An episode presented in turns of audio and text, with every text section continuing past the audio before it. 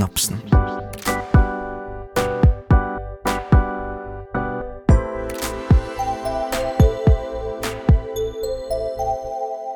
Hallo, og velkommen tilbake til Synapsen, Høgskolen Kristianias egne psykologipodkast.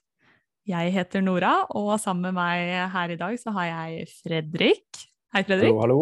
Morgen, morgen. Og, og Lars. Hei, Lars. Hallo. Hei. Hei. Eh, ja, så dere hører jo kanskje, dere som hører på, at det er en litt annen lydkvalitet på de greiene vi sender ut nå. Og det er jo av hjemmekontor. Sitter hver, hvert, for, hvert, hvert for vårt, hvert hver for oss, heter det. ja. uh, og spiller inn, da. Så det er kanskje ikke helt like bra lyd som uh, ellers, men vi gjør det beste ut av det. Hvordan går det med dere, Fredrik og Lars? Ja, kan nå innrømme at uh, nok en runde hjemmekontor var uh, nok en runde for mye. Uh, var veldig deilig å være tilbake igjen og møte folk og kunne skille litt tydeligere mellom jobb og fritid og det som er, og her var man tilbake igjen. Uh, naiv som jeg, så har jeg klart å avvikle hjemmekontoret og solgt kontorstolen på Finn og sendt alle bøkene på kontoret. Så man sitter her på en spisestuestol og blir uh, ja begynner å miste litt sånn følelsen i rumpa allerede. Så det er jo egentlig ganske sånn grei illustrasjon på hele situasjonen, føler jeg. Uff a meg. Ja ja. Du da, Lars? Eh, nei, jeg er jo introvert, så jeg um, syns jo det er deilig å være tilbake på hjemmekontor, må jeg si. Faktisk. ja, du syns det, ja? Veldig kort Ja, reisevei. jo- I dag har jeg Ja. gått fra senga til kjøkkenet, og så sitter jeg på stua nå. Perfekt. Deilig. Det blir litt lite bevegelse, kjenner jeg, da, men jeg får prøve å være litt flinkere til å trene litt òg, da. Ja. Etterpå, liksom. Ja. Nei, men eh, det er jo, vi er jo i desember, faktisk over halvveis til jul i desember eh, nå. Eh, hvordan, Jesus Christ. Hvordan går det? Er dere klare for jul? Jeg har vært og kjøpt eh, Jeg har litt hot eh, tips med julegaver. Ok, Oh. ja? Jeg drar alltid til Sagene bokhandel. Det er veldig trivelig bokhandel. Superflinke Mm. folk. Og så kjøper jeg alle julegavene mine der. Altså digg, kjøpe alt på ett sted. Det er faktisk Ja, genialt. Med time. Ja. Så sier jeg sånn Jeg har en onkel, han er arkitekt, han er veldig interessert i Japan. Å ja, da har jeg en bok. Og så en annen, han er veldig interessert i historie, sånn Oslo-historie. Ja, da er den nye Ekebergtrikkens historie. Og så, er Mm. og så har de barneavdeling òg, da. De er kjempeflinke til liksom pinpoint um, Finne fram til skreddersydde eh, julegaver, da. Så vi har gjort alt på én time. Alle julegaver. Nei, så deilig. Ja. Jeg har, no, jeg har noe å lære, merker jeg. Ja, det har jeg også. Sagene bokhandel. Og så er det, det er knakende trivelig der òg. Jeg vil bare si at dette er ikke et betalt innlegg. det er, jeg visste ikke om dette på forhånd. Ikke som vi, vi, vet, ikke som vi vet om, i hvert fall. Kanskje Lars er sponsa, men uh... Det er gull for meg hvis jeg blir sponsa der. Men det ble faktisk rata til Norges beste bokhandel, så jeg nå, i Aftenposten. Uh, Ja. Sagene, altså. Hm. For dere som bor i Oslo, så er det altså verdt en tur dit, da. Oh yeah. Da, da Fredrik, er du klar med julegaver og ja. verset? Altså, det er ikke meninga å være liksom sånn deprimerende ankere i trioen her nå, men eh, jeg merker liksom julestemninga er liksom fraværende i år, altså. Eh, jeg tror noe av det Ja, jeg tror noe av det for min del handler også litt om den julegaveshoppinga som alltid har vært litt sånn oh, nå skal vi ut og titte litt og se og la-la. Og i år så har det bare blitt liksom sånn klikk og hent. Det er det mest uh, stilige jeg har gjort. Og ellers er det rett i postkassa eller sendt det rett nordover, for vi skal hjem til jul, holdt jeg på å si, i år. Så for å Ja, slippe du, å dette det Nå kommer jeg Ja. på noe. Dette har vi faktisk fått et spørsmål om. Hvilken dialekt er det du egentlig har? Fordi den dialekta di er så tydelig et eller annet utvaska, men hva?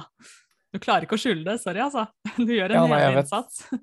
Nei, nei, nei, jeg prøver ikke å skjule engang. Det er det verste. Uh, det har bare Er det skal vi tippe, er det Du er litt sånn fær... Er det ikke fær... Jeg vil holde på å si Færøyene, men Oi! eh, Jeg er ikke så god på det. Er det litt Jan Mayen, eller eh, Eller hva tror du, det var, ja? Vi kunne hatt sånn quiz om det. Jeg vet jo dessverre hvor Fredrik eh, er fra, da. Men uh, kunne jo gjetta på noe sånn Island uh, Er, ja, er det litt uh, spitsbergensk, eller? Er det såpass, ja? Er, er det det? Nei. Nei, altså Det som folk typisk gjetter på, er jo en litt sånn utvanna trønderopplegg, men jeg har verken skinnvesten eller barteveksten til å kunne ta på meg den tittelen. Ja. Um, men det artige er jo at hvis du tar liksom hjemstedet mitt og Oslo og tar gjennomsnittet av det geografisk sett, så havner du et sted i Trøndelag. Så det er jo et eller annet logisk som ligger bak. Men uh, født og oppvokst i Tromsø, men med foreldre fra Oslo-området, så har jeg vært dialektforvirra fra dag én.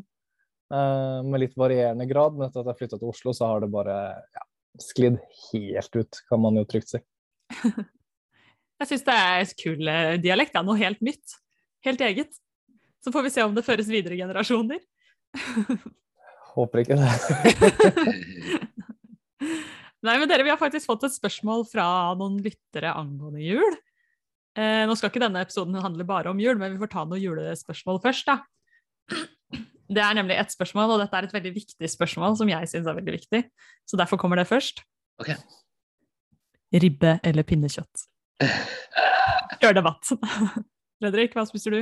Eller er du fisk, du, kanskje? Nei. oh, ja, skal vi gå rett på rasismen med en gang, er det det du sier? Ja. Nei, du Nå sa jeg ikke skulle være det deprimerende ankeret, men greit, jeg får bare Nei, du kan ikke stå si at ikke du liker noe av det. Okay. Det går ikke. La Lars, hva liker du, Liker du ikke noe av det? Altså, rib ribbe kan funke så lenge det er en mager ribbe. Så fort den blir litt sånn der svampaktig, squishy fettbombe, så merker jeg at jeg blir litt sånn det. Ja. Men nei, vet ikke. Aldri sett helt sjarmen med julemat, ass. Sa, sa du ribbe eller pinnekjøtt? ja. Er, har du noe annet? Jeg kjøper ikke premisset for spørsmålet. Oh, Oi, interessant. oi. Nei, vi, har kalk vi har kalkun.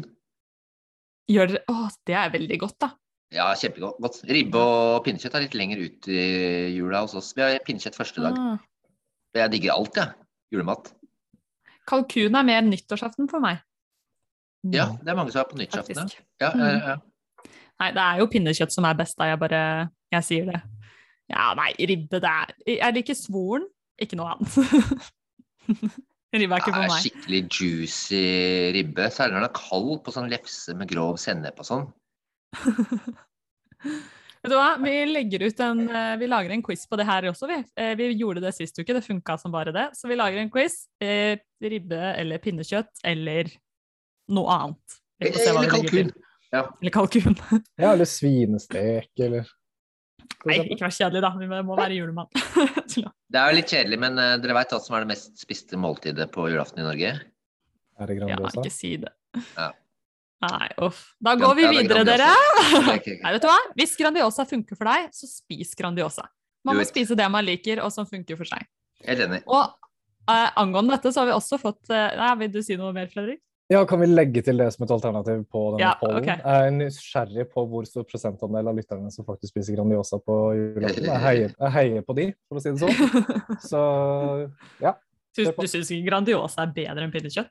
Altså Som cøliakiker så kan ikke jeg uttale meg om det spørsmålet. Ah, nei, det var det, da. OK, men i forbindelse med dette var- her, så Nei, Nei, ok. ja, Nå kan jeg bare komme på noe litt annet. Helt mal apropos. kjør på. Jeg var og klatra på klatreverket, og så var det folk, og noen av de folka er jo som er veldig mye med klatring, veldig interessert i ernæring. Da. Nok karbohydrater, proteiner. Når skal man ta karbohydratene en og en halv time før protein? Hvor fort etter trening må man ha proteiner? Hva slags proteiner? Melkeproteiner? Bla, bla, bla. Samtale. Mhm. Og så kommer Robert Caspersen, driver bilder. og Han var vel helt klart den beste, han var norgesmester ti ganger i klatring, da. Og så var det sånn, faen, vi må spørre han, hva, han- hva slags ernæring hadde, hva kosthold hadde han når han var norgesmester og var Ja, ja. Og så ble jeg pekt ut til å gå bort og spørre han, da. Mm. Og så sier jeg, du, vi bare prater med deg, lurte på Hva var det du Hadde du noe opplegg for kosthold også sånn når du var mest aktiv, eller? Han, jeg tror han var norgesmester hvert mm. eneste år kjempelenge. Ja, Grandis. Jeg bare Hæ? Jeg, jeg levde eh, stort sett på Grandis jeg, på 90-tallet. Til frokost. Jeg hadde tre Grandiser. Frokost, middag og så kvelds. Grandis. Fy søren. Og Vi er heller ikke sponsa av Grandis, jeg vil bare si det. Så møtte jeg en fyr som jeg klatra mye sammen senere, litt etterpå. Så spurte jeg han jeg prata med Robert Caspersen. Er det sant, eller skal han tøffe seg Nei, han, eh, han eh, levde på Grandis og rulletobakk. Det er uh, interessant diett for en Så toppidrettsutøver. kan det være topp norgesmester i klatring. Ja, det, er, det hadde jeg ikke helt trodd på. Ja, ja, ikke til forkleinelse for Grandis. Sier det mest om liksom, næringsinnholdet i Grandiosaen, eller om det generelle nivået på klatrerne i Norge på 90-tallet? Det er et godt spørsmål. Det er der det ligger. Det er der skoen trykker. Men dere, for meg så gir jo pinnekjøtt og annen julemat egentlig veldig julestemning. Og vi har nemlig også fått et spørsmål fra en lytter om dette med julestemning, og om det er sånn, eller det er faktisk en lytter som har en teori om at ulike enkelthandlinger som vi gjør, da, sånn høre på julemusikk eller bake pepperkaker eller ja, hva det måtte være, om det i seg selv kan gjøre at man finner en julestemning. Eh, og så er liksom spørsmålet litt stemmer det? Er det noen av dere som har noe innspill? Jeg har jo en tanke selv, men hva tenker dere? Ja, absolutt. Det er jo priming. Det er jo et eh, felt innen sosialpsykologi. Mm. Selv en psykolog, John Barge, hvis man har lyst til å lese om det, B-A-R-G-H, hvordan man kan sette seg selv i ulike stemning, eh, stemningsleier. Mm. Men f.eks. som hun nevner, høre på sanger. Eh, så definitivt, det kan man. Mm. Jeg er enig, Fredrik. Ja, praktisk, altså selvfølgelig teoretisk enig. Rent praktisk enig i alle foregående år fram til i år, egentlig. Mm. Det er litt sånn fraværende julestemning her, altså. Jeg tror det har litt med litt sånn slaps å gjøre. Litt sånn sesongforvirra, avhengig av plutselig hjemmekontor og unntakstilstand nok et år, mm. og jeg vet ikke. Men jeg satser på at den kommer når jeg får satt litt ordentlig i gang. og ja. Men ja, skal, det være, vært... skal det være julenisse, eller? Har ikke du fått barn nå? Jo, men jeg har jo en lillebror, så jeg tenker det er som onkeljobb å være julenisse, er det ikke det? Jo, jo. Jo, det er jo egentlig det. Ja. Mm. Jeg skal, informere, jeg skal informere han nå når du sier det. Det er bra du sier det. ja. Hva, du tenkte, hva, tenkte, hva tenkte du på, Nora? Nei, Jeg tenkte egentlig på det samme, dette med at man skaper på en måte assosiasjoner, da, eller primer, primer som du snakka om. Ja, priming, det er jo litt det. Ja, sant, det er litt sånn faguttrykk, eh, priming. Det er, det er mm. kjempespennende. Det er en av mine favorittfelt innen psykologien. Ja, det er kjempegøy, ja. Og folk gjør det jo i liksom Ja, f.eks. idrettsutøvere primer seg før idrettskonkurranser med musikk eller ulike ritualer eller mm. Eller øh, Så definitivt kan man gjøre det med julestemning òg. Absolutt. Så hvis dere leter etter julestemning, så bare finn ut av hva det er dere pleier å gjøre i jula, og bare begynn å gjøre det. Ja. Så eh, kommer det etter hvert. Og så må ja. man ikke stresse og gjøre masse andre ting i tillegg, da, Fredrik, som kanskje er noe av det som ødelegger det litt. Ja, kanskje. Men da er altså da planen klar med Grandiosa til middag i dag, er det det jeg hører? Vær så god, ja. Grandiosa til middag skaper julestemning, det. Hvis det Vær så god. Men siden, du, siden, det ble nevnt julemusikk her, da, bare sånn kjapt. Hva er deres uh, go to julelåt? Har dere en som dere må høre? Det må vel for min del være 'Fairytale of New York' med The Pogues. Ja, ja, den er bra. Den er jeg enig i. Støtter jeg. Jeg hører på hvert år 'Merry Christmas' med The Ramones. Oh. Gøy. Jeg, hadde, så, jeg, har så sykt mange, da. Jeg elsker jo musikk, så jeg hører masse. Ja. Men, uh, men, jeg hørte Topp tre, da? Ja, det er helt umulig. Men jeg hørte her om dagen den derre fra uh, Home and Alone Nei, Home and Alone, faktisk. Home sånn Den derre korlåta som er sånn Skjønner du hvilken jeg mener? Ja. Den ga meg faktisk skikkelig julestemning da jeg hørte den, så den, eh, den er plutselig der oppe nå. Den var uforutsett, men den eh, havna rett opp der. Okay. Den heter noe sånn eh, ja, 'Thinking of Summer' eller et eller annet. Nei, jeg, jeg husker ikke. Noe Ok. sånt. Og selvfølgelig Fra Tre nøtter til Askepott? Nei. Er det Å ja. Nei. OK, nå bare surrer jeg her.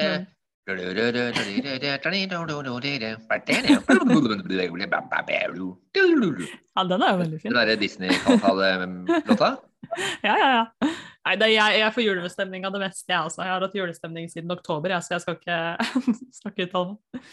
Det hørtes litt ut som Scatman, nettopp nynna meg. Så det var julelåt. Scatman er julemelon. Det er Scatman. Ja, var ikke det samme? Nei, det var ikke det samme. La oss bevege oss videre fra Scatman, men det er ikke det vi skal på i dag. Eh, før vi går videre til det egentlige temaet, som er nyttårsforsetter, så vil jeg bare oppsummere litt fra forrige episode. Vi spurte jo da om eh, hva slags hunder folk tror eh, du, Lars og jeg hadde valgt. Ja, ja. Og det er mange, ganske mange som har stemt. Eh, Det er bare å fortsette å stemme, men da må du Ja. kanskje sette litt på pause nå, sånn at ikke du hører hva svaret er. Fordi fasiten okay. kommer nå. Eh, og labrador på deg, Lars, så har 29% svart at det er det du antageligvis kommer til å velge. Ja. Eh, 36 har svart at jeg kommer til å velge cocker spaniel. Og så er det Oi. 26% som har val valgt at begge vi kommer til å velge golden retriever, da. ja, den hadde jeg på nummer to. Ja, ja hva var, var labrador nummer én på deg? Ja. Ja, det var det jeg også tenkte når jeg, når jeg skulle gjette på deg. Labrador eller golden retriever tenkte jeg faktisk. Mm. Wow. OK. Og cocker spaniel er helt riktig på meg også. Jeg har sykt lyst på cocker spaniel. Åh, ja. Og golden retriever hadde ikke gjort meg noe, det heller. Jeg elsker hunder generelt, altså. Jeg kunne sikkert tatt hva som helst. Men, men ja, veldig gøy. Så dere har svart riktig. Eh, og så har vi fått et spørsmål, et spørsmål som oppfølging på noe av det vi sa. Fordi vi sa nemlig at eh, man bør gjøre litt sånne spennende ting som skaper litt sånn eh, ja, som aktiviserer kroppen litt, da, og skaper en sånn spenningsfølelse. For eksempel, du var innom å klatre, og vi snakka om å drikke kaffe og eh, masse andre ting. Eh, men så har vi fått et spørsmål om bør man ikke egentlig heller gjøre det man trives med, og være den man er? Fordi det er jo ganske sånn kjent fenomen at folk gjør seg veldig til på dater og sånn, og så eh, man, eh, blir man litt bedre kjent, kommer litt lenger inn i det, og så er det sånn Å, du er jo gørrkjedelig. Her er det ingenting å hente. Ja, jeg snakker av erfaring. Men, men Nei, og gjør du det? Nei da, vi trenger ikke å snakke om det. Men Jo, jo, jo, Ja, vi trenger ikke, men eh, det var, skal. ta en kjapp en, da. Nei da, nei nei Nei, nei, nei. Jeg har eh, ikke noen dårlige opplevelser. Men spørsmålet er bør man heller gjøre det man trives med, og være den man er? Og svaret på det er vel ja. Nå er dere datingekspertene, og jeg er dateren, så nå må jeg få et svar. ja, hvordan går det på med datinga di, ja? Det har ikke skjedd noe nytt eh, spennende siden sist, altså. Så jeg har ikke noe å meddele. Har du Du har Tinder? Ja, dessverre. Men går det på radius at du får litt sånne nye hits? Du, når du drar til Oslo, så får du liksom andre hits enn når du er Ja. hjemme i Larvik? Det er litt sjelden at jeg sitter og sveiper på jobb, men de gangene jeg gjør det, nei da. Men i Oslo får man noen andre, ja. Det er sant. Jeg bor i Ja, Sandefjord, ja. ikke Larvik. Sandefjord? Jeg har en kompis, han driver og tar T-banen opp til Holmenkollåsen, og så sitter han der en stund. Nei. får- Nei. Jo! Jo, jo, jo, mener det. For da skal jeg holde meg langt unna Holmenkollåsen, det er jo bare Ja, han mener det er så mye pene damer der, så da får, da får han en på radiusen sin. Ja. Mm. Strategi. Nei, nei, så, har- så ille har det ikke blitt ennå. Det har ikke båret hell. Det kan jeg si. Nei, det, Ikke, en, det tror ikke jeg på. Ikke ennå. Men ikke sant, man bør han- være den en man er. annen, eh, Hadde du datet en annen, han en annen Skal vi snakke om dating eller Silje? Han dater en annen som ikke bor på Holmenkollen. Nei, Nå hadde han møtt en dame som ja, er og så, søt og morsom og chatter, og, og så sa han ja, Lars, hun surfer. Jeg bare fy fader, dette høres jo helt fantastisk ut, da. Ja, ja, ja, ja, så ja, vi chatter kjempemye, og og så, Skal dere møtes, eller? Ja, nei um, Hun bor i Peru. Nei, men herregud. Ja, skal du til Peru? Nei, nei. nei. Det er han Ja, samme men så fint, da. fyr som tar, tar banen opp til Holmenkollen. Ja, OK. hmm. Interessant.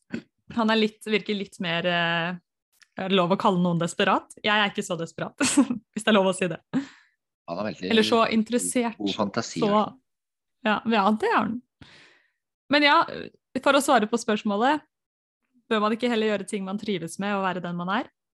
Altså, jeg tenker det er jo på en måte en balansegang her. Man kan jo fint finne på ting som er litt spennende og litt gøy. Det vil jo, akkurat sånn som vi er inne på med tanke på priming og sånn òg, så er det jo fint å på en måte ha et første møte som forbindes opp til en litt spesiell situasjon, og kult, noe nytt man har opplevd osv., og, så videre, og det gjelder for begge parter. Mm. Men så må man jo samtidig også reflektere litt seg selv og hva man selv ønsker og står for og interesserer seg for i denne situasjonen, tenker jeg da. Det er jo ikke sånn at Mm. du har ekstrem høydeskrekk, så nå skal første date være på Galdhøpiggen. Eh, det sier seg selv at det gir jo kanskje et litt sånn feilaktig førsteinntrykk. Og jeg tror også det man må på en måte ha har merka Det kan nok fort hende at det ligger litt sånn samme type måte, mekanismer også involvert når du er på jobbintervju. At man faktisk også stopper litt opp og spør seg selv ok, er det her noe jeg ønsker, er det her noe som representerer meg selv? At man ikke blir helt sånn skyggelappmodus på at nå skal jeg Altså vinne dette her høres kanskje litt feil ut, men nå skal jeg liksom overtale eller sjarmere denne personen, koste hva det koste vil. Eller nå skal jeg få Mm. denne jobben, koste hva det koste vil. Eh, så må man jo ikke glemme seg selv i den ligninga og stoppe og tenke ok, men vil jeg faktisk ha denne jobben, eller vil jeg faktisk møte denne personen og ta dette steget videre, f.eks.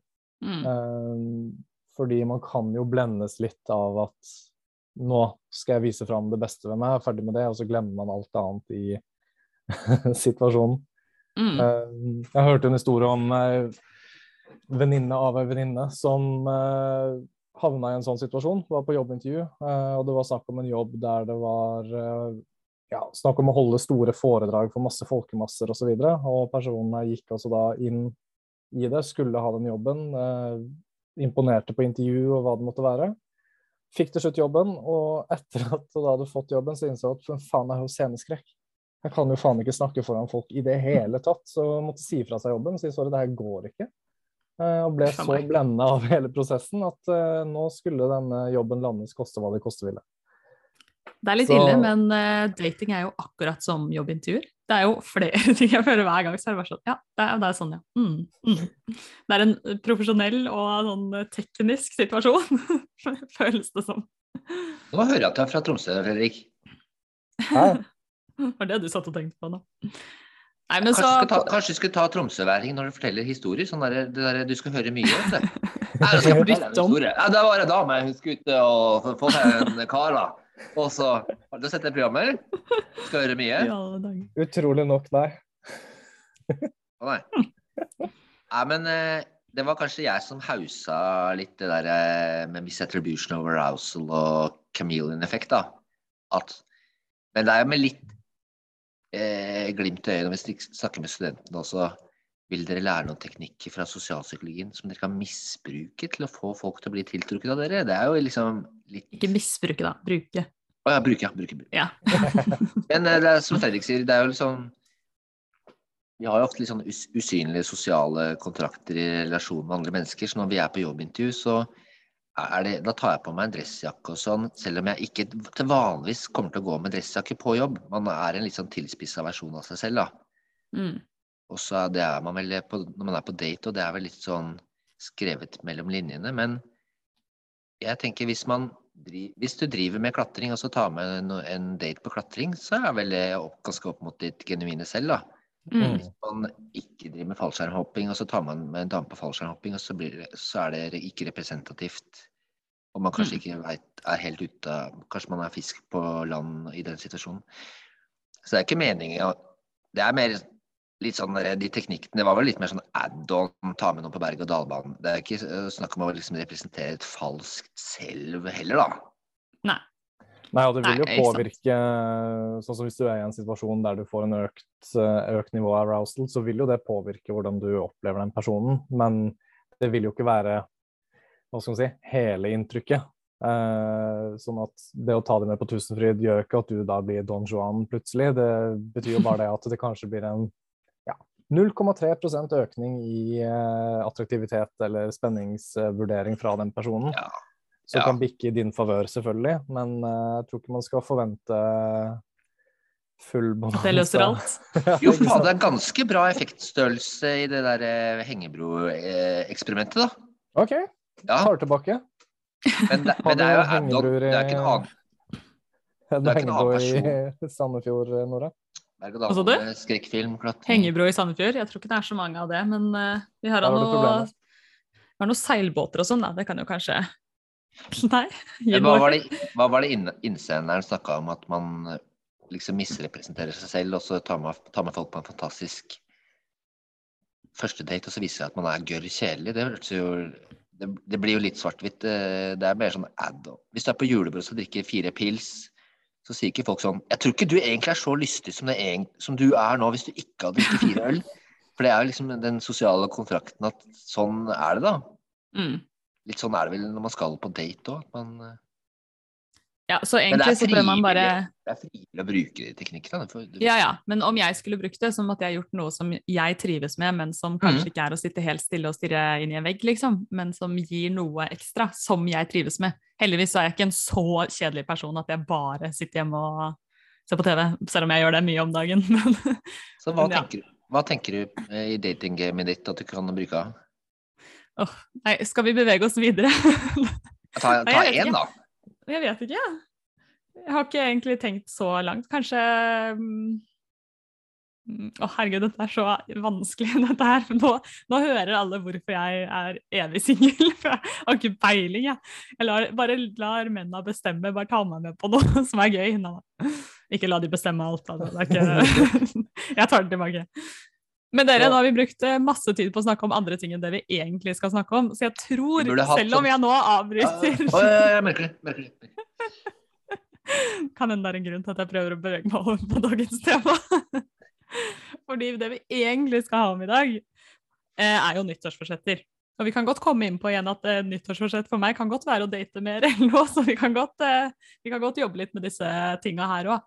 Men vi skal jo egentlig. Jeg, Nora, jeg driver og henger litt nedi traktene dine. OK? Nedi Nevlunghavn der, på Ja. Mølen. Ja. For der er det veldig bra surfebølger. Mhm. Jeg kan ta deg med dit, og så ja, kan du låne surfebrett av meg, så kan jeg lære deg sånn basic surfing. ja. Når du skal på date, så kan du foreslå ja, vi stikker ned på Nevlehang og, og surfer. ja, altså den, Det hadde vært veldig kult, faktisk. Selv om jeg tror jeg hadde vært veldig dårlig til det. Så er jeg Ja, men det er ikke så nøye, det er bare morsomt å være litt nybegynner sammen, da. Okay, Da får ja. du Miss Attribution of Arousal. ja. Og så tror jeg Lars også da har en singel kompis som kan lære deg å surfe, og så er det liksom bare to fluer i én smekk, og så er daten Enda i gang. bedre. Jeg tar med han der i kompisen Nei. som med dame i Peru. Nei, han sparer vi. Ok, dere, vi beveger oss videre her nå, tror jeg. Dette blir sånn, Mamma hører på det her og kommer til å spørre meg hvordan det går med han der i Peru. Eller sånn det heter noen i Peru òg. Men uh, vi beveger oss videre, Han kommer jeg aldri til å møte henne.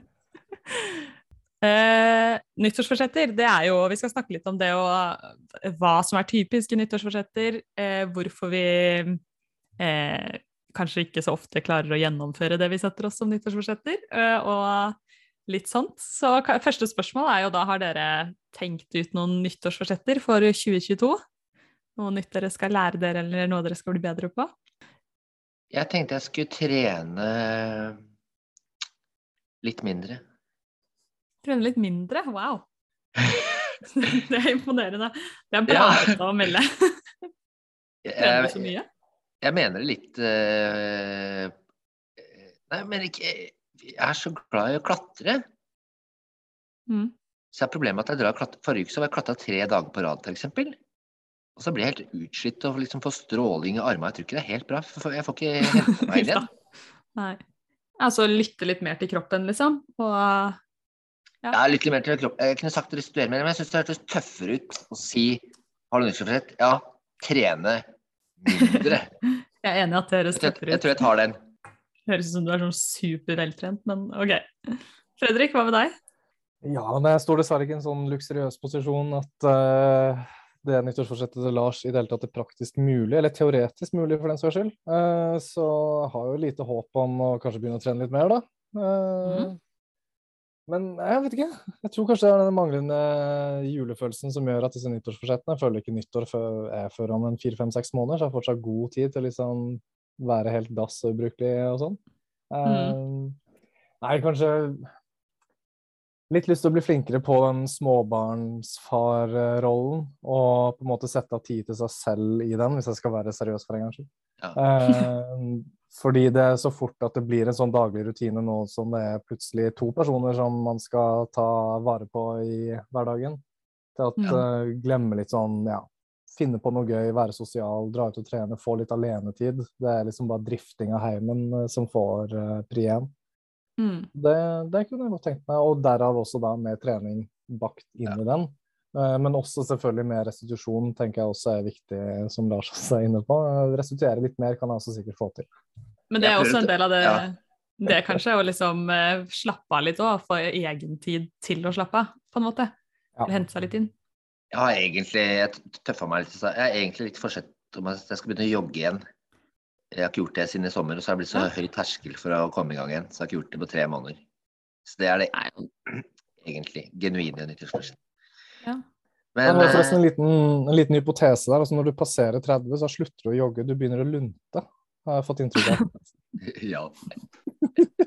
Lunte. Lars skal begynne å lunte igjen. Uh, ja.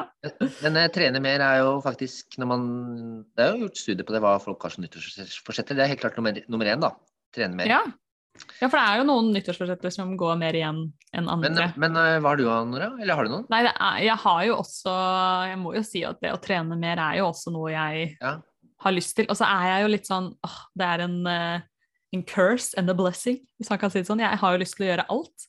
Så lyst til Ja. å bli bedre på alt og gjøre mer av alt, men det vet jeg at ikke går. Så jeg må Jeg vet faktisk at jeg må prøve å være litt flinkere til å få god søvn og sove godt. Fordi jeg kan bli Ja. litt sånn at jeg bare så må jeg gjøre litt mer, og så blir det litt for seint, og så må jeg opp tidlig, og så blir det litt korte, korte netter eller litt lite søvn. Ja. Så ja, det må også være et mål. Men jeg, jeg pleier egentlig å lage ganske lange lister og ganske mange mål. Jeg har altså veldig masse småting da, som ikke er sånn store som liksom trene mer og sånn. Men, eh, men i år har jeg ikke kommet så langt, så det må jeg jobbe litt mer med, kjenner jeg. Men ja, dere eh, sove mer er også på um, topp fem-lista hva folk har som nyttårsforsett, da. Det er det, ja. Hva er Ja. lista, Lars? Eh, nummer én, det er eh, trene mer. Mm. Nummer to, det er også slanke seg. Gå ned i vekt. Ja.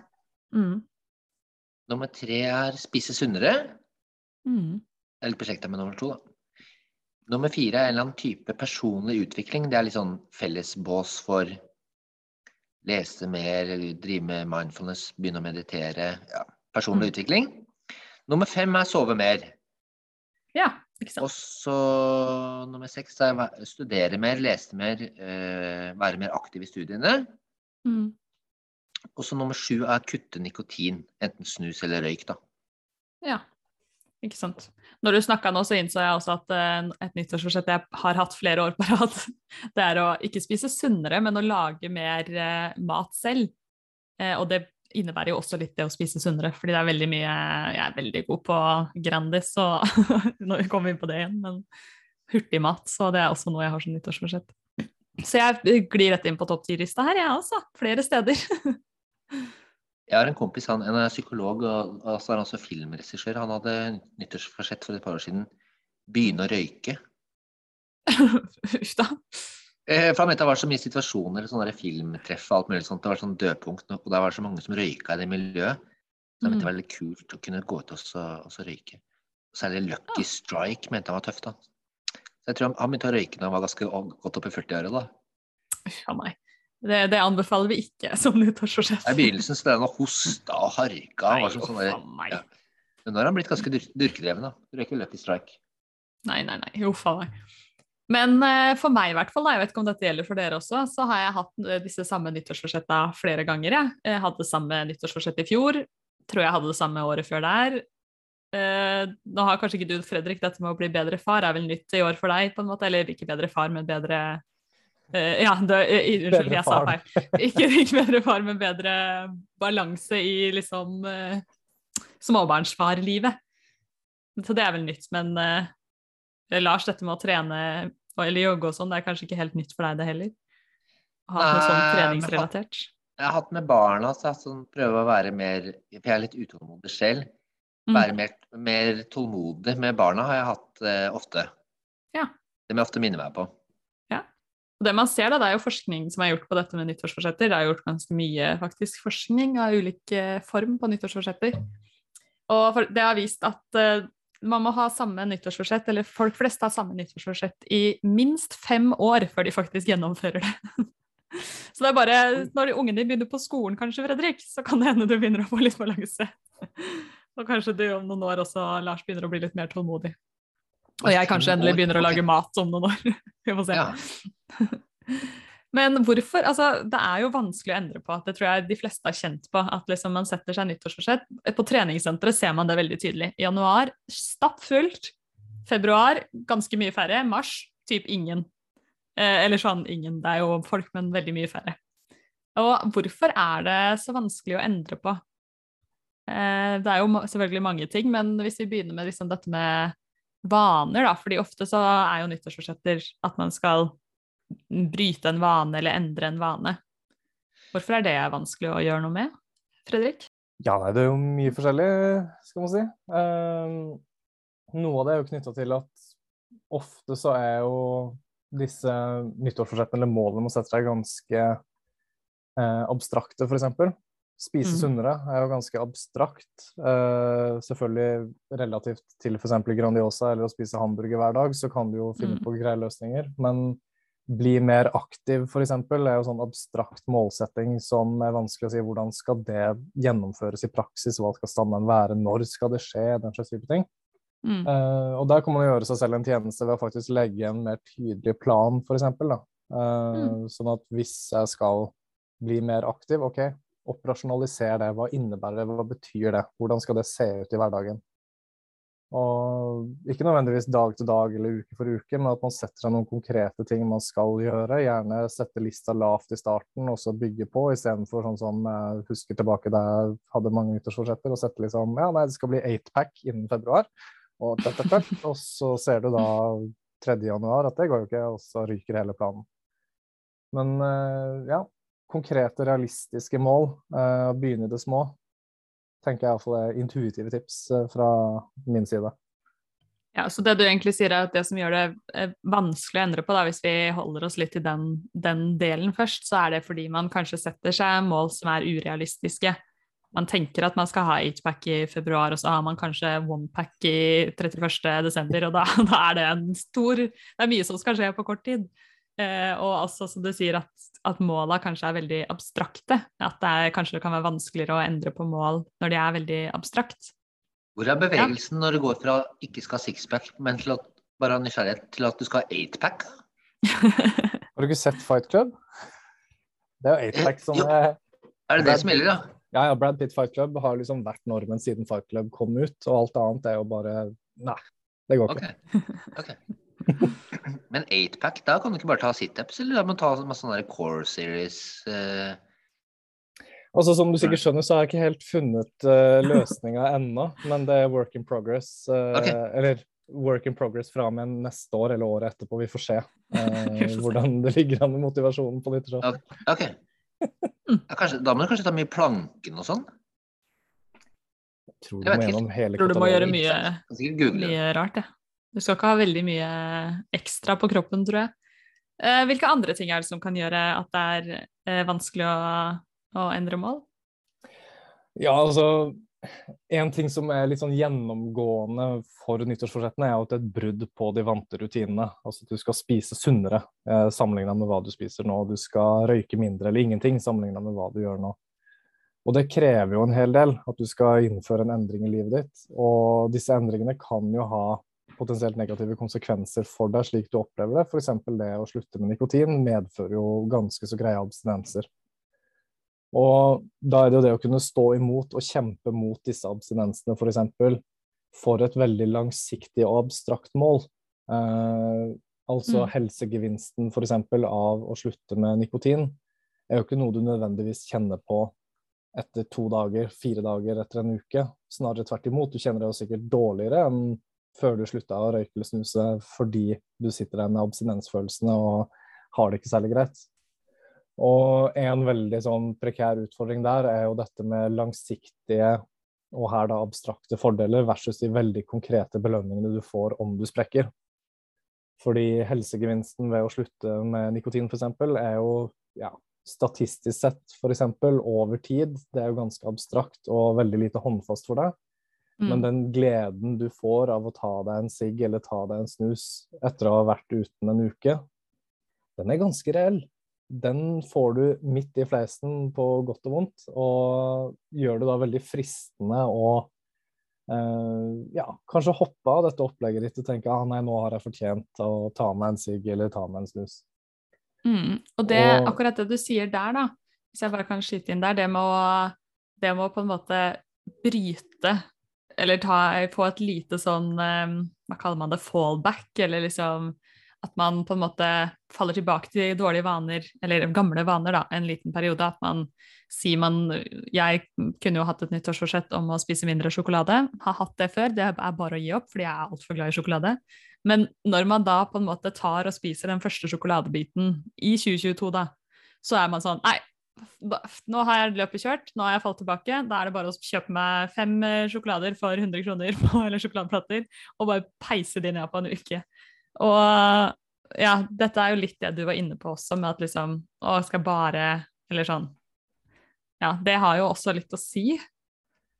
Ja, og så er det liksom hvordan man også da behandler det at man sprekker. Eh, det var litt det jeg var inne på i stad, som å sette realistiske forventninger. Og en stor trussel mot eh, de målsettingene vi setter oss på nyttårsforsetter, er jo nettopp det at vi er menneskelige. Vi er jo ikke datamaskiner eh, som bare kan plotte inn et skript og sier sånn der, nå slutta du å røyke eller snuse, og ferdig med det. Eh, vi har jo masse følelser, masse rasjonalisering. Vi lyver for oss selv om at nå burde jeg egentlig begynne, for nå er det synd på meg, hva det måtte være. Mm. Og knytta til det så har du da situasjoner og tilstander hvor f.eks. det å opprettholde god selvkontroll er vanskelig. Eh, Det kan være at du er sliten, du er stressa, eh, du er berusa f.eks. Du er på fest og noen tilbyr deg en røyk. Mm. Ja, terskelen for å ta den røyken er jo ikke særlig høy, og vips, så har du på en måte da tråkka i salaten. Mm. Men det som er viktig også da, er jo hvordan man behandler dette, denne situasjonen som egentlig er et unntak. Fordi det man ofte ser, er jo det at folk da sprekker, tar seg en sigg eller tar seg en sjokolade, som du er inne på. Og så bruker man det som en berettigelse for at OK, nå røyk denne planen min, så nå kan vi bare skrinlegge hele greia. Spise sjokolade, røyke 20 om dagen til neste nyttår. Mm. Men i realiteten så er det jo bare et unntak. Du har vært dritflink, og du kan fortsette å være dritflink i morgen og bare OK, i dag eller i går eller når det var, så dreit jeg meg ut, men det skal ikke påvirke min langsiktige, store plan. Eh, det er en setback, men vi skal fortsatt slutte å røyke eller spise mindre sjokolade, f.eks. Ja, det er veldig gode poenger der. Eh, det er jo, som du var jo litt inne på, at det er mange ulike faktorer som gjør at det er vanskelig å gjennomføre, som stress var du inne på. Eh, litt sånn eh, manglende mestringstro, kanskje. Det å tro at man skal klare det, er ganske viktig for å faktisk gjennomføre noe, eh, spesielt atferdsendring. Eh, har du noe, noen andre ting, eh, Lars, som gjør at det er vanskelig å, å endre på atferd eller å gjennomføre nyttårsforsetter? Det er litt morsomt. Eksperiment. Eh, Det er litt komplisert, men det er, faktisk utført på Stanford, i kjelleren der de hadde Stanford Prison Experiment. Husker du det? De som skal være mm. Det er faktisk gjort i kjelleren der på Stanford. Ja, du kommer inn, og så får en eh, rekke spørsmål, blir intervjua. Det er masse spørsmål. Ja, hva studerer? Du? Og så er et av spørsmålene ganske langt nede. Er du på diett? Driver du nå og slanker deg? Det er det eneste spørsmålet de egentlig er ute etter. Så det er liksom kamuflert blant veldig mange spørsmål, da. Mm. Ok, Så blir du satt ned ved en datamaskin. Og så får du beskjed når du dykker opp et rektangel på datamaskinen, så kan du trykke rektangel på eh, tastaturet. Og så dukker det opp en Mhm. sirkel på datamaskinen, så kan du trykke på sirkel. Veldig grei Mhm. oppgave, da. Og så er det to grupper. En annen gruppe får beskjed at du skal trykke på rektangel her. Samme hos, hvis det kommer en sirkel, trykker du på sirkel. Innimellom går det av en alarm bort på veggen på andre siden av rommet. Da må du løpe bort dit innen fem sekunder og skru av alarmen. Mens det her programmet går med sirkel og firkanter. Mm. Ok. Eh, så da er det jo fire grupper, da. En gruppe som er på diett. De har en veldig rolig, enkel oppgave. Firkanter, rullinger. En gruppe som er på diett, som har en veldig stressende oppgave. De har de der firkantene, sirklene og den alarmen som går av hele tiden. Og så er det en gruppe som ikke er på diett, som har de to samme oppgavene. Og så sier han som har eksperimentet Ja, forresten, vi hadde noen sånne firmafest her i går. Det er igjen masse godteri. Så er det masse boller med sjokolade, Nonstop, chips og sånn som står på bordet. Mm. Bare, du kan bare ta eh, som takk for at du er med. Bare spis. Det ser ut som det er helt random hvor mye det er, da. Men de veier det helt nøyaktig før og etter hver forsøksperson. Du kan se at du har spist 360 hekto med godteri.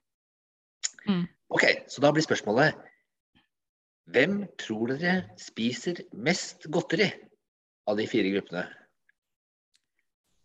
Oi.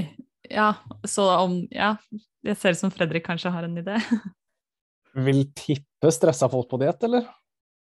Riktig! Men hvorfor? De er, det, det er jo nettopp de som ikke De skal jo ikke spise usunt. Det er jo per def det å være på diett. Du skal ikke hive deg masse sjokolade og chips og Du kan jo berettige det ved en belønning fordi du har vært stressa. eh, Og belønningen blir jo desto større jo mindre lov det er å spise søtt og godt. Jo større belønning er det, og jo mer fortjener du Nei, nå soser jeg rundt her. Nå er jeg nysgjerrig. Hva er årsaken? Det står jo mer om det studiet her i Hvis det er noen som er interessert i den boka til han Roy Baumeister, 'Willpower'. Det er også kommet Mhm. på, Norge, på norsk nå. Jeg tror den heter bare 'Viljestyrke' eller noe. Det er jo en slags ironisk prosessering Hvis mens man prøver å ikke tenke på en uh, uh, isbjørn eller noe. Så er det mye, mye vanskeligere hvis du er stressa. Så det å ikke spise usunt, det får du til når du ikke er stressa. Så hvis du aldri var stressa i løpet av en dag, eller aldri var sliten, så ville jo folk på diett greid seg ganske bra. Problemet blir at den ikke-prosessen blir borte når du er sliten og stressa. Så de, på diett slanke, som slanker seg, spiser jo egentlig mer usunt enn andre. Nettopp pga. den prosessen. Så det blir jo det man kaller paradoksal reaksjon. Eh, den ikke-prosessen. Ikke spise usunt. Ikke-prosessen er den første som blir borte. Så ja, ikke sant. Så de som har nyttårsforsett om å være eh, om å spise sunnere, f.eks. Hvis de Ja. står i stressa situasjoner, så kan vi egentlig anta at de kommer til å spise mer usunt. Ja, de gjør det. Ja. Uff. Det er jo veldig uheldig, da. Når man liksom Og kanskje spesielt hvis de har satt seg inn i et mindset der de ikke skal spise usunt, men at det Mm. kanskje ligger en større styrke i å spise mer sunt. Hvis jeg Ja. forstår deg riktig, Lars. Riktig. Jeg har jo masse pasienter i praksisen min som har ikke bare nyttårsforsettet, men de har endrings... Eh, de har mål om endring på et eller annet. da. mm. Det er veldig typisk at de har først, som du sa, Fredrik, abstrakte mål. Jeg skal spise sunnere. Ikke hva det er. Jeg skal trene mer. Ikke hva de skal trene eller når. Jeg skal Mm. være mer sosial. Som jo er jo en god intensjon. Så det er først bevegelse fra det abstrakte til det konkrete. da. Og så er det pga. den paradoksale eh, effekten med sånn ironisk prosessering. Mye lurer av mål om hva man skal gjøre, enn hva man ikke skal. Så i stedet for å ha Jeg skal ikke sitte så mye hjemme og spise godteri og se på Netflix i sofaen etter jobb hver dag. Så er det mye lurere å ha en, mål, en plan om hva man skal gjøre. Og gjøre det så konkret som mulig. Bare f.eks.: Jeg skal jogge klokka sju hver tirsdag med en kompis. Da er sannsynligheten for at det blir gjennomført sinnssykt mye høyere enn jeg skal trene mer. Mm. Selv om det er et eh, mål om hva man skal, i, stedet for hva man ikke skal. Så er det jo en sånn eh, eh, sosialpsykolog, Kurt Levin, som jeg tenker er sånn veldig bra sånn endringsmodell. Mm. Hvordan først folk må eh, Folk liker jo ikke endringer. Det er masse studier på det, selv på arbeidsplasser, at folk skal flytte til et nytt sted. Selv om det er kortere reisevei og de får større kontorer og sånn, så vil ikke folk en ha endring. Jeg har det egentlig ganske fint her. Folk er trygghetssøkende. Så man Ja. først gjennom en prosess man kaller sånn defreezing, jeg kan det bare på engelsk, teorien. Og så må man implementere den nye vanen. Mm. F.eks. jeg skal jogge med en kompis klokka sju hver tirsdag. Eller jeg skal, invitere, jeg skal være mer sosial, da. Jeg skal invitere noen på middag hver torsdag. Mm. Også i en overgangsfase så er det noe nytt. Og så må man implementere det og gjøre det til en slags tradisjon. Sånn at det blir akkurat som vi tenker jo ikke vi, Hver kveld så vurderer jo ikke vi om vi skal pusse tennene eller ikke. Det er ikke sånn 'Jeg har ikke spist så mye godt i dag, jeg driter i å pusse tennene i dag'. Eller vi gjør det som en vane. Så sier han man må implementere det til det blir en sånn vane. På tirsdager klokka Mm. sju så jogger jeg med noen. Hva man Mm. skal gjøre, gjøre det konkret. Og så gjøre det veldig spesifikt. Mm. Da øker sannsynligheten for at endring skjer, og at man opprettholder det veldig. Så Ja, problemet er at folk har for abstrakte mål, og at det er mål om hva de ikke skal gjøre. Da, Mm. det, det, er derfor, så jeg tror, det er derfor så mange nyttårsforsetter krasjer så fort. Ja. ja det, nå er vi jo inne litt på liksom, eh, tips til hva man kan gjøre for å få til endring, og det er, eh, Ja. det er veldig fint. Det finnes jo noe som heter smartmål, eh, og det er jo noe av det du har vært innom nå, Ja, det var Lars. egentlig det Ja, nettopp. Ja. Så SMART det står jo for specific, measurable, achievable, realistic og time-bound. Eh, og du var jo inne på dette, eller på flere av disse, men vi kan jo gå gjennom litt mer, kanskje i detalj, hva man egentlig kan gjøre, da. Så for eksempel, hva med det, det å være realistisk? Eh, det var jo du litt inne på, Fredrik, med å forvente 8-pack eh, eh, allerede i februar. Ikke forvente å se liksom eh, Sixpack i mai er er lettere. ja. Eller i hvert fall twopack. I, I hvert fall noe, liksom. Ikke forvente å se resultater av trening eh, innen utgangen av januar, for det er liksom eh, Det kommer ikke til å skje. Eller sånn, kanskje noe, men du ser ikke endring Du ser ikke at du har blitt eh, ja, gått ned i vekt 4. januar, liksom. Du må holde på litt lenger enn eh, det. Ja, og i forlengelse av det så tenker jeg også på når man er realistisk, så må man ikke bare fokusere på det målet man har satt seg, altså om det er abstrakt eller konkret, men at man også kan være litt realistisk til eh, seg selv som menneske. da. For vi har jo, sånn som det er inne på med de forskjellige funnene her nå, de virker jo veldig kontraintuitive, og man vet jo generelt fra mye forskning i psykologien at mennesker er jo ikke perfekte på noen som helst måte. Eh, vi gjør jo feil vi har intensjoner som vi ikke følger opp, vi bryter vaner eller vi faller tilbake til gamle vaner osv. Så, videre, så, så jeg tenker litt av den realistiske biten også burde kanskje knyttes opp til eh, både realistiske mål, men også realistiske forventninger til seg selv. Eh, du setter deg ikke da selvfølgelig et nyttårsforsett om å trene 32 ganger i uka, fordi det er urealistisk. Men også i forlengelse av det kanskje være litt sånn forut at ok, men hvis min eh, selvkontroll nå trues, eller det faktisk bukker under, da, at da tar meg en sigarett ute i februar, eller eh, dropper trening to uker i mars, hva gjør vi da? Og da tenker jeg altså man kan da legge opp en litt sånn plan for seg selv, ikke bare for hva man skal gjøre når alt funker som det skal, men også en plan for hva skal vi gjøre når ting butter imot, eller når ting ikke faktisk eh, går helt etter planen. Mm. Fordi vi snakker om et langsiktig mål. Vi snakker ikke om at du skal trene fire ganger i uka i januar og februar. Du skal jo helst gjøre dette her år etter år etter år, f.eks. Mm. Så det realistisk forventning til seg selv tenker jeg også er liksom viktig å få med i dette her. Også fordi man, når man legger planer, og kanskje også for nyttårsforsetter, så glemmer man gjerne å tenke på andre ting også. Ok, jeg skal trene fire ganger i uka. Da er det fire ganger trening i uka som man fokuserer på. Og så glemmer man at ok, men jeg har jo jobb, jeg har jo barn, jeg har jo fritidsaktiviteter, jeg har jo alle disse andre tingene som kommer i veien. Og mm. hvis man prøver å tenke litt på det, kanskje man også da med fordel jekker det ned til jeg skal trene to ganger i uka eller tre ganger i uka. Og bygge et fundament, og så da kanskje bygge videre på det over tid, hvis det viser seg å funke. Mm. Ja, jeg tenker også Jeg har en pasientstory på det. Ja, få høre. Smart, uh, smart det var realistisk. Det var ja. Eh, en, en som hadde lest den der boka til han Bertrand Larsen, han som er sånn lifestyle coach. vet du. kom en mm. bok som het 'Helvetesuka'. Og så skal han begynne med en kompis og dra på treningssenter hver morgen før jobb hver dag. For det sto i den boka. Så det var lurt. For da fikk han like mye tid Han tok ikke noe treninga tok ikke noe tid av dagen hans, for han bare sov mindre. Så han sto opp fem, og så trente før jobb. La fram treningstøy og sånn. Og så liksom Ja, OK. Og så kom han tilbake. Han kommer til meg en gang i måneden. Mm. Egentlig for noe litt annet. Noe sosial angst. Er litt. Eh, og så kommer han tilbake, så spør jeg hvordan gikk det med helveteuka. Eh, da hadde han stått opp mandag, tirsdag, onsdag klokka fem og dratt og trent før jobb. Og så dratt på jobb igjen. Og så tirsdag, nei, torsdagen han hadde våkna klokka ti. Han hadde ikke våkna vekkerklokka, for da var han helt utkjørt. da. Og siden da hadde han ikke jogga i de tre ukene før timen vår, da. Nei. Så intensjonen var god, og det var eh, spesifikt. Men det må være realistisk, da. Mm. Så lagde vi plan på å jogge tirsdag og fredag. Og det har han gjort nå. Så det er mye, det er mye bedre å jogge to ganger i stedet for i uka i stedet for null. Ja. Men eh, akkurat når vi snakker om dette med liksom realistiske mål, så kommer vi Eller så begynner jeg å tenke på noe som kalles SWOT-analyse. Ja. Som vel brukes i organisasjonspsykologien. Kan ikke du forklare litt hva det er, eh, Lars, eller hva det går ut på?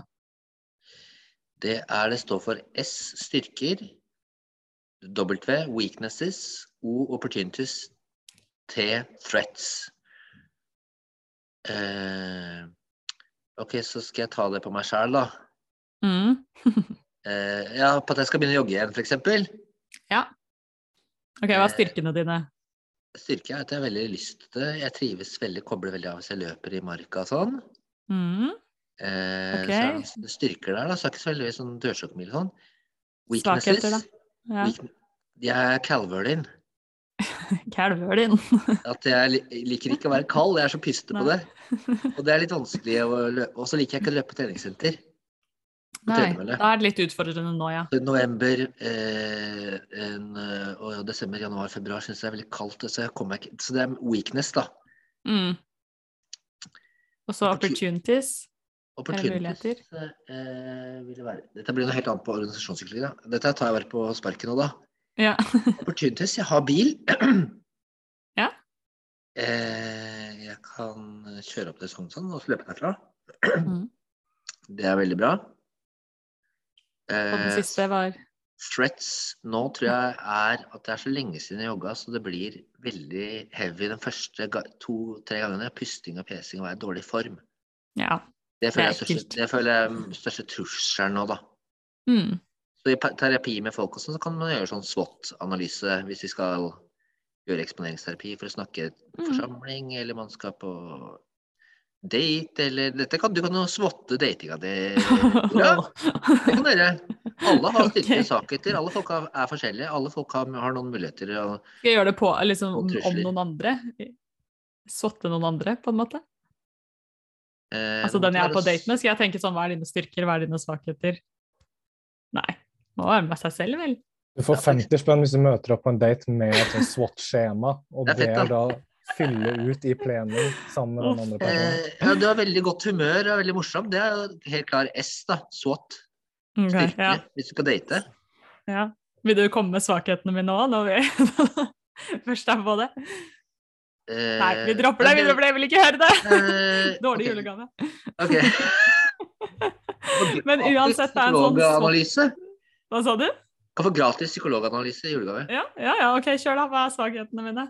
Vær så god, jeg skal ta det imot. Nei, jeg veit ikke. Nei, ok, det er bra. Hva, hva tror du, da? Uh, å, det er så mange. Hvor skal man begynne? Nei da, men dette skal ikke handle om mitt uh, datingliv, dere. Men, eh, Men det men minner meg på, det minner meg på en ting. Eh, Ja. En vei rundt dette her, da, for å komme inn på dette med dating, sånn, at vi krever jo en del spørsmål fra lytterne, for de blir Nora nødt til å svare på. Så hvis vi bare får masse spørsmål om det, og mange nok, så må vi lage en episode på det, og da, da er vi i gang. Ja. Oh, ok, Hvis det er noen som hører dette som har lyst til å date meg Jeg orker ikke dette her maset lenger. så Vær så snill. Ja, du kan bruke dette som litt sånn datingkanal. Ja, ja, jeg vet ikke hvor mange det er som hører på dette, men Ok.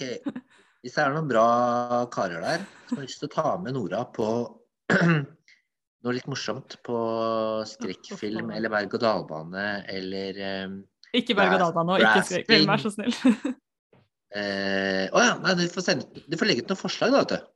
Det kan du gjøre. Ok, men dere, er over fra min Fryd. Det er kanskje stengt her nå. Denne, meg. Den her, her podkasten tok en helt annen vending. Ja, kjelke eh, Miss Attribution Arousal. Ta sånn, kjøre kjelke fra Frognerseteren. Da kan man leie kjelke, så kjører Ja. den gamle. Det, Bob- der, har du, der snakker du mer eh, mitt språk. Det, der, Det hadde du blitt med på. Ja, det hadde jeg gamle blitt med på. eh, Det kommer jeg til å gjøre uansett. Ja, Hvis noen har lyst til å bli med Nora på det, så kan du kjøre den gamle Bob-banen fra Ole 1932. Uff a meg. Dette her Da bare tar man banen opp. Ja, det er kjempe-Miss Attribution of Arousal. da. Tenk, det er fy fader, det er fader meg ganske bra dating arena å å å gjøre Må det. jeg gifte meg etter det, liksom? Nei, hva, hvordan møttes dere? Vi kjørte kjelke på Ja, da skal jeg være forlover, ass.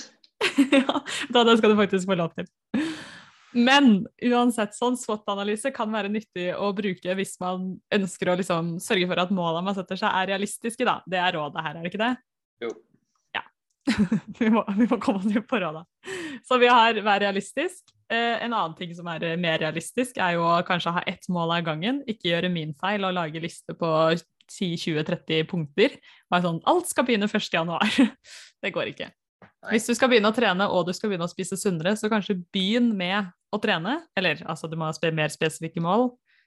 Eh, begynn med å trene to ganger i uka, som er målet. Når du har fått til det, og det har gått noen måneder, så kan man kanskje begynne med eh, å endre kostholdet litt. Når man kommer inn i det som du snakka om, Lars, når det har blitt det mer en vane. Det er ikke noe du må liksom jobbe så mye for å tenke så mye på. Nei, Det må, det må sementeres. Det må bli en vane. Tirsdag klokka Mm. sju stikker jeg og jogger uansett. Eller whatever. Det må passe i tidskabalen til folk, da. Ja. Og litt som du var inne på også i stad, Fredrik, akseptere at det ikke alltid kommer til å gå på skinner. Det kommer til å være litt motgang. Du kommer til å sprekke et par ganger og hoppe over den ene treningsøkta, eller å kanskje ta deg en snus eller spise sjokolade, eller hva det er målet er. Eller bli litt utålmodig med barna dine, Lars, eller hva det måtte være. Men det må man bare akseptere, og man må ikke gi opp fordi man møter veggen eller møter utfordringer noen ganger. Absolutt ikke. Endring og bedring er aldri lineært. Det er alltid går litt opp og ned. Det er som en aksjekurs, liksom. Mm. Noen dager så går det bedre enn eh, forrige uke. Noen dager så Noen uker er kanskje dårligere enn forrige uke, men eh, overall her må det være bevegelse, da. Ja. Jeg syns aksjekurssammenligningen, den likte jeg. det er som en aksjekurs. Ja, du må tenke at det er bra aksje, da. Du har Tesla eller noe sånt. Ok, ja. Apple. Hver oljefondet. ja. Oljefondet okay. har jo Apple som nummer to, tror jeg, av investeringer. Microsoft som nummer én. Oi. Tesla er nummer sju eller noe, tror jeg. Dæven. Det er jo Ja. Em, eh, vi har ikke vært noe inne på uh, dette med motivasjon. Uh, motivasjon har jo også litt å si for, for hvordan vi tilnærmer oss ulike mål, og om vi klarer å nå noen mål. Vi skiller jo gjerne mellom indre og ytre motivasjon. Da. Det er liksom indre motivasjon er mer sånne indre ønsker og ja, at vi kanskje har lyst til å lære noe nytt, eller vi har lyst til å få til noe for oss selv. Mens ytre kan være mer at vi liksom ja, at det skal se bra ut overfor andre, eller at man skal fremstå på en viss måte, kanskje. Eh, hva, hva av dette er det som vil funke best da, Lars? Eh, Det er alltid, nesten alltid indre motivasjon som funker best. Så man bør sørge for at det er noe man er, har lyst til å oppnå selv. Ja, som den der eh, lytteren som skrev det spørsmålet om eh, dating og sånn. Man må gjøre noe man genuint har lyst til selv, da. Mm. Eller f.eks. har du lyst på kjæreste, eller drar du på date fordi folk presser deg og mener at du burde date. Det er jo yttermotivasjon da, ikke sant. Mm. Til og med studier på det, sånn barn som først har indre motivasjon på noe. Typ, la oss si at jeg har piano i stua eller noe, så setter barnet seg ned og Lisa gikk til skolen Og så spiller de for seg selv, syns det er gøy. Indre motivasjon, da. Indre motivasjon, det det setter seg ned og gjør det og får noe ut av det inni seg selv, da. Mm. Og så begynner foreldrene å tenke Oi, her er vi en eh, konsertpianist eh, om 20 år, eller en virtuos. Og så begynner de med Det er godt tenkt, da. Belønning. Og hvis du spiller piano en time hver dag, så skal du få det og det. Ah, Mm. wow. De erstatter den indre motivasjonen med ytre motivasjon. Mm. Og det man ser da, når den ytre motivasjonen faller bort For man kan ikke belønne ungdommer og sånt for, for alltid. Så, så, så ser man når den ytre motivasjonen da blir borte, så spiller man, så er man kanskje veldig uinteressert i å spille piano. For det har erstatta og liksom erodert den indre motivasjonen. da. Mm. Ja, så du bør Så- kanskje ikke ha mål om å slutte å røyke, og så hvis jeg klarer hele uka uten å røyke, så kan jeg røyke en hel pakke til helga. Det er kanskje ikke det beste. Eh, nei, vi å skal slutte å røyke. Hvis du skal slutte å røyke, så må du ha indre ønske om det fordi jeg har lyst til å bli i bedre form, leve lenger. Hvis du skulle slutte å røyke fordi kjæresten din er lei av at du har røykeånde, det er ytre motivasjon, da. Mm. Eh, men man trenger jo ytre motivasjon, ikke sant. Jeg vet ikke om vi hadde gått på jobb hvis vi ikke fikk lønn 15. hver måned. Hvis vi bare skulle møte opp på Høgskolen Kristiania og drive med psykologi uten å få noe belønning. Man må, noen ganger så er belønning riktig, da. Mm. Få barn til å ta ut Dette kommer til å lære til hvert, Fredrik. Få barn til å ta ut av oppvaskmaskinen, rydde ut tallerkenen og sånn. Og så får de noe stjerner for det og får en premie. Det er, ikke så, det er veldig vanskelig å bygge indre til å synes det er sykt gøy å ta ut av oppvaskmaskinen. Eller drive med klagesensur. Det er noen ting man trenger ytre motivasjon på, da. Mm. Helt klart. Men, eh, men hvis man skal gjøre store endringer, sånn som vi prater om med nyttårsforsetter, så vil det å mobilisere, finne fram til indre motivasjon, alltid funke best. Pluss det, Mm. det er en morsommere prosess òg, når man, når man uh, står bak det selv. Mm. Mm. Og i forlengelse av det du sa med belønning til barn, så mener jeg husker også jeg leste en studie på um, effekten av indre versus ytre motivasjon på sånne leseprogrammer. eh, der de skulle få barn til å lese bøker, og motiverte barn til å lese bøker ved å gi dem ja, 100 kroner for hver gang de hadde lest en bok osv. Å ja. Og resultatene viser ikke bare det at motivasjonen frafalt når belønninga slutta, men de begynte å lese mindre enn de som var indre motivert også, selv når de fikk belønning. Ja. Fordi Mm. du ikke har noe eierskap til det. Det er ikke din greie, det er noen andre som står for det. Uh, så man skal være litt forsiktig med også å eksternalisere uh, motivasjon uh, sånn helt uten videre, fordi det faktisk også kan hemme prestasjon ganske betraktelig. Mm. Det, er, det er mange foreldre dessverre som ikke kan det her, eh, og så feiler på det. Intensjonen Mm. er god, da, men de begynner med ytre belønning for eh, ja, sånn som du sier, lesing, trening, ting som barn egentlig har sterk indre motivasjon for. Mm, Som man bare burde prøve å, å verne om og dyrke. mm. Og så begynner med premiering av ting som også gjør det at det utvisker den indre motivasjonen. Det er jo trist. Men for å tenke tilbake på denne smart-mål-modellen, så har vi jo også den M-en er jo measurable. Og Ja. det kan jo være en motivasjon, da, at man har noe som man faktisk kan måle. Kan jeg, kan jeg sjekke av at jeg har trent så mange ganger i uka? Kan jeg måle at jeg faktisk snuser mindre, eller kjøper mindre, eller ja, hva det måtte være, da. At det er liksom en målbar, noe du kan ja, se en endring på, faktisk. Ikke bare 8pack, som du må vente ganske lenge før du åpner, men Ja. du kan og se noen sånne mål underveis. Ja, der er det jo mange strategier. Når du kommer til f.eks. fysisk form, så kan du jo måle direkte på din egen prestasjon. Eh, Du tok to Mm. pushups i januar, så tar du 20 i februar eller mai, eller hva det måtte være. Realistisk Eh. nå, Fredrik? Realistisk. Ok, da. 133. Um, og når det kommer til f.eks. røykeslutt og sånn, så har du jo disse appene. Uh, Slutta-appen, som er en sånn tidtager som viser hvor lenge du har vært uh, nikotinfri, f.eks. Som vil jo da også være direkte mål. Så er du i tvil, OK, her står det da du har vært så og så lenge uten nikotin, f.eks. Og det vil jo da være en seier i seg selv, og den seieren på en måte blir jo større og større for hver dag som går, så fallhøyden, eh, eller hva man skal si viljen til å fortsette vil jo øke med tid, fordi du har da en bank av mer og mer tid og mer og mer penger som er satt av. Mm. Og der kan man jo også, I den appen så står det jo f.eks. også hvor mye penger du har spart, men det er jo teoretiske penger. Men du kan jo faktisk også sette over f.eks. et ukes eh, hva skal man si, pengene tilsvarende en ukes forbruk av eh, røyk eller snus inn på en egen Mm. konto eh, ved ukeslutt, sånn at du hele tida har da denne belønningen som vokser for hver dag eh, fordi du har vært flink den uka, f.eks. 10 000 skritt er det mange som eh, får hjelp av, på mobilen f.eks. Mm, ja. Eller eh, 24 skritt, som jeg kaller det nå om dagen. 24. det, er, det er fra uh, pulten til kjøleskapet, tilbake til pulten. Det er uh, lite gåing innendørs nå. Jeg Jeg skal jeg ut på tur, altså. Sist gang jeg var og jogga, det var jo kanskje i september eller noe, men da løp jeg med en venninne. Hun løper med sånn telefon, og jeg bruker ikke den er ute da, men og så løp jeg, jeg tror jeg løp åtte kilometer eller noe. Eller vi løp nesten, åtte. Jeg tror jeg kom til parkeringsplassen igjen på Sognsvann. Så er ja, yes, det de gir tur og sånn, tøye litt. Og hun bare ser inn på den appen. Nei, jeg mangler 200 meter. Det er sånn goal hver uke. På løpet. Jeg tror det er 40 eller sånt, ganske mye da. Så da løp hun og løp rundt parkeringsplassen et par runder. Eh, så Men whatever works, ass. Nådde målet, da. Ja. Eh, Så- whatever works. Man må, akkurat som hun som skrev inn det med date, man må jo gjøre det som funker for seg, da. ja. Og det kan jo være helt uh, pin, eh, pinadø helt forskjellig, det, fra folk til folk. Mm. Enten det er date eller trening eller Det er veldig sant. hva det er for noe. Veldig sant. Om det er å date noen i Peru som du aldri kommer til å møte, eller om det er Vi tar follow Jeg har et forslag. Vi tar fem minutter datesegment hver podkast. Å, det kommer til å være verdens kjedeligste segment, for det skjer jo ikke en dritt. Men OK. Jeg tar update fra han kompisen min, og så tar du update fra deg. Ok, ja. Åh, ja. Da må jeg faktisk begynne å gjøre noe. Men det er bra. Dette her er faktisk også et punkt som jeg vil gi som et siste tips. Det er å fortelle noen andre om måla dine. Eh, og hvis målet mitt er å date mer eller å jeg vet ikke, finne en kjæreste, da, så forteller jeg det til dere nå, og da må dere følge meg opp på det. ikke sant? Det er det som er tanken her. Så hvis man forteller noen om målene sine, så legger man litt press på seg selv, fordi man vet at noen andre følger med litt. Men så gjør det også at du har andre som kan hjelpe deg litt. Kanskje Fredrik og Lars nå holder øya litt åpne for noen mannfolk som de tenker at kunne vært aktuelle for meg.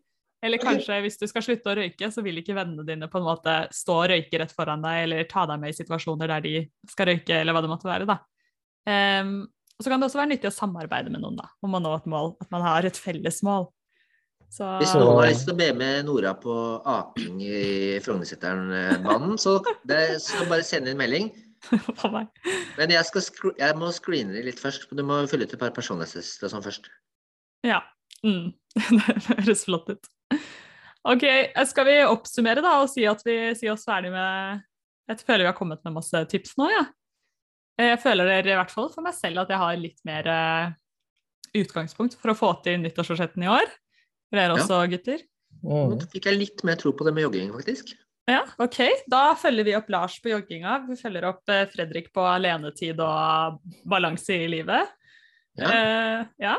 Så bare for å oppsummere, sett deg realistiske mål.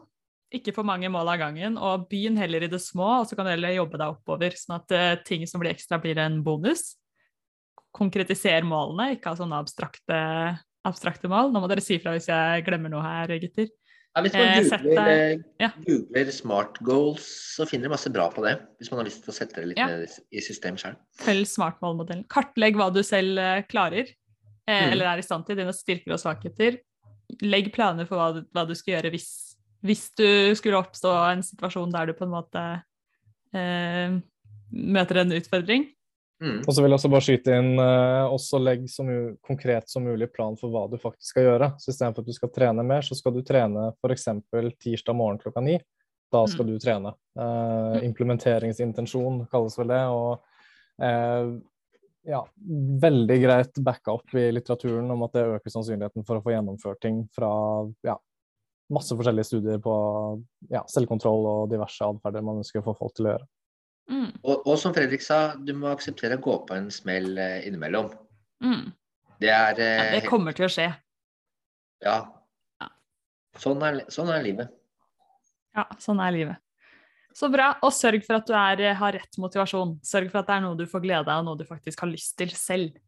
Ja, hvis Så du har, tror hvis du vi- vil, som en kompis min, hvis du vil røyke, begynne å røyke, så er jo det målet. da. Det, liksom, det må jo være i din uh, Du må ha indre motivasjon. motivasjon. Ja. Vi anbefaler ingen å begynne å røyke. Jeg skal undervise i helsepsykologi, så ikke, ikke gjør det, vær så snill. Men Han mener at det funker fint han er på, når han er på sånne konferanser og ting og tang. nå. Bare gå ut og ta en sigg med folk, og så Da mener jeg det blir et veldig sånn nyttig sosialt instrument for han. da. Da kan du øve deg på andre sosiale verktøy i stedet. Men med det sagt så er jo dette siste episoden vår før jul.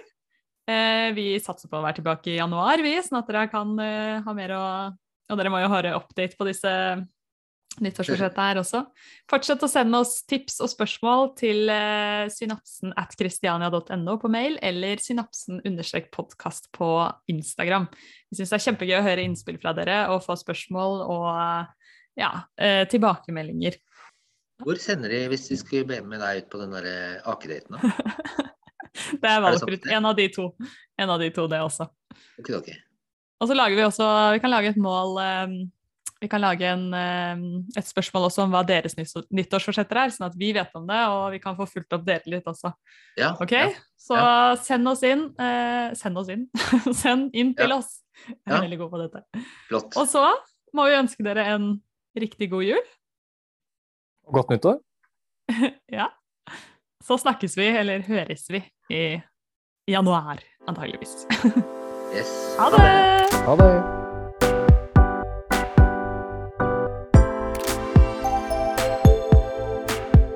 Synapsen.